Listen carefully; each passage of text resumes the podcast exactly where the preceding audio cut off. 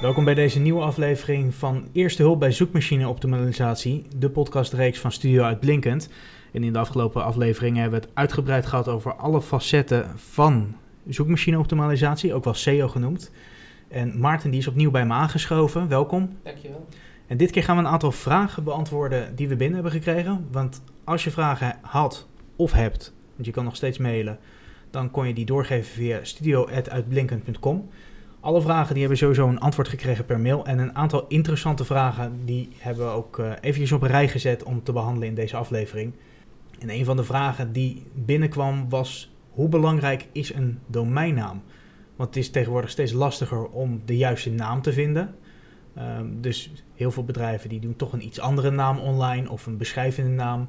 Uh, dus de vraag die binnenkwam was: hoe belangrijk is de domeinnaam voor uiteindelijk je, je plaats in de zoekmachine? Ja, de domeinnaam is nog steeds heel erg belangrijk, maar het wordt wel steeds minder belangrijk.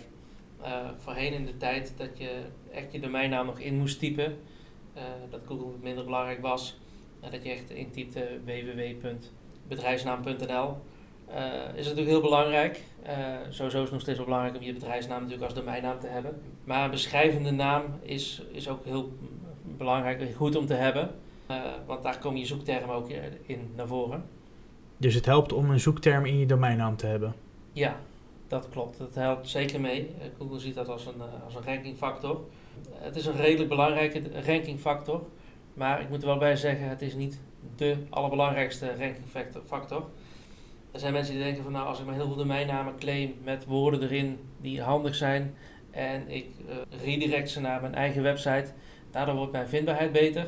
Nee, dat is niet zo. Nee, daar heb je eigenlijk niks aan, want die redirect, ja, het is een doorverwijzing.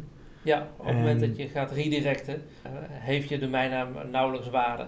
De enige waarde die het dan nog heeft, is dat een concurrent er niet mee vandoor kan gaan. Inderdaad, want voor de zoekmachine zelf, ja, je kan alleen waarde doorgeven als die domeinnaam al waarde heeft opgebouwd. Dan heeft een redirect wel zin, qua ja, waarde dan. Precies, en om waarde op te bouwen is content nodig.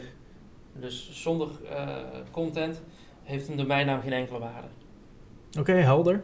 En uh, nou ja, je haalt al aan content. Een van de vragen die we ook meerdere malen binnen hebben gekregen is hoe lang het indexeren nou precies duurt. Want mensen die plaatsen dan content op de website en dan blijft het resultaat een beetje achter. Dus hoe lang duurt het indexeren? Ja, dat hangt van heel veel factoren af. Uh, dat kan soms al heel snel gaan. Het kan zijn dat je binnen enkele weken al resultaat ziet. Uh, in het slechtste geval kan dat gewoon ja, vier tot zes maanden duren.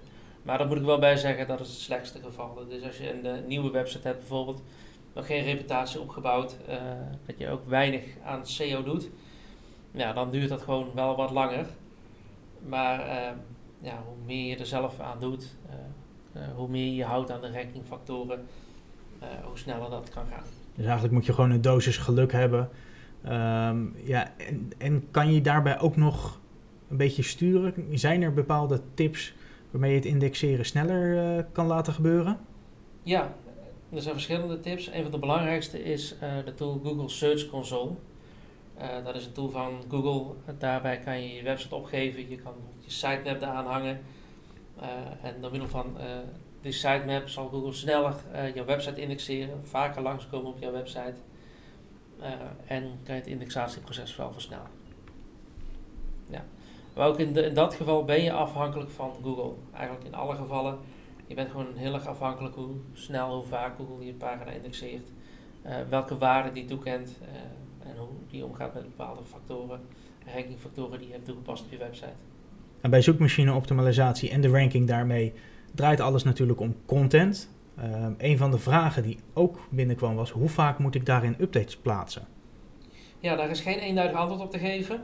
Ik kan niet zeggen, je moet dat wekelijks doen of maandelijks.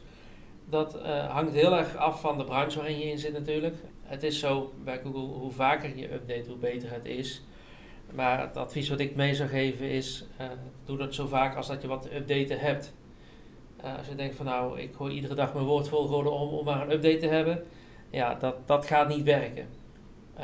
maar op het moment dat je een website hebt met evenementen, dat je, je zorgt dat je agenda actueel is. Dat je ja, dat je daarin gewoon veranderingen laat zien, nieuwe evenementen toevoegt. Of als je een webshop hebt, dat je juist nieuwe producten toevoegt. Ja, puur om te laten zien dat je actief bent, dat je bezig bent met je website. Dus ja, er is geen eenduidig antwoord op, maar het advies is zo vaak als kan en zo vaak als een update ook nuttig is voor jou. Ja, want alles draait ook daar weer om de kwaliteit en daarmee de gebruikerservaring. Precies, ja, precies. Een mooie handvat daarin is uh, plaats updates zo vaak als dat jouw bezoekers bereid zijn om terug te komen om op te kijken of er updates zijn. Ja, en over updates gesproken, uh, de website zelf heeft natuurlijk ook updates nodig. Um, nu is het eigenlijk een open deur, maar hoe belangrijk is het om je website de techniek up-to-date te houden?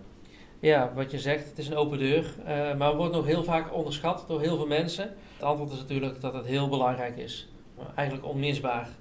Het kan natuurlijk zijn, hè, we hebben het bijvoorbeeld over als je een WordPress-website hebt, WordPress-updates, updates van plugins voor je thema. Uh, zorg ervoor dat die altijd up-to-date zijn. Want op het moment dat je een verouderde plugin hebt, dan kan het zijn dat je een, een veiligheidsrisico loopt. En in het slechtste geval je hele website gehackt wordt. Uh, en een, een, website die gehackt is, dat heeft natuurlijk ook negatieve invloed op jouw ranking. Een niet geüpdate plugin zou heel schadelijke gevolgen kunnen hebben voor jouw website en voor jouw ranking.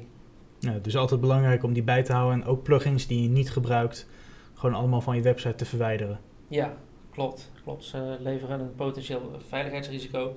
Plus erbij, uh, plugins die je niet gebruikt, is gewoon ballast. Waardoor je website trager wordt ook al is het heel minimaal. Uh, iedere plugin die er te veel op staat, is er gewoon eentje te veel. En adviseer ik om te verwijderen. Ja, en als je website langzamer wordt, dan heeft het ook weer negatieve gevolgen voor jouw plaats in, uh, in de Google-resultaten. Ja, Google vindt het heel belangrijk dat je website snel is. En hoe sneller je website is, hoe beter dat is voor de ranking. Ja, en dan de laatste vraag die binnenkwam. Het gaat natuurlijk allemaal om content en zorgen voor de juiste techniek. Nu is linkbuilding ook een belangrijk aspect van de zoekmachine-optimalisatie. Wat is een goede tip voor linkbuilding? Maak gebruik van uh, eh, RSS-feeds. En wat zijn dat precies? Dat zijn bestanden waarin uh, je bepaalde content ja, via een bepaalde code doorgeeft aan programma's die dat kunnen, kunnen uitlezen. RSS-readers worden die ook wel eens genoemd. Nou, daar kan je natuurlijk heel goed linken naar bepaalde artikelen, bepaalde blogberichten. En ja, dat is alleen maar goed voor, voor je linkbuilding. Ja, en is dat voor iedere website interessant of vooral voor websites die regelmatig met updates komen? Vooral websites die regelmatig met updates komen, ja. ja. Een uh, RSS-feed kenmerkt zich door juist nieuwe updates door middel van die feed door te geven. En zo kan je juist ook weer dan mensen weer binnenhalen. Dus die websitebezoekers terug laten keren. Ja, precies. Ja, ja ja, wordt in de nieuwsgroepen ook nog wel eens gebruikt. Bijvoorbeeld dat mensen met een RSS-reader, uh, RSS-fiets van nieuwsgroepen inlezen.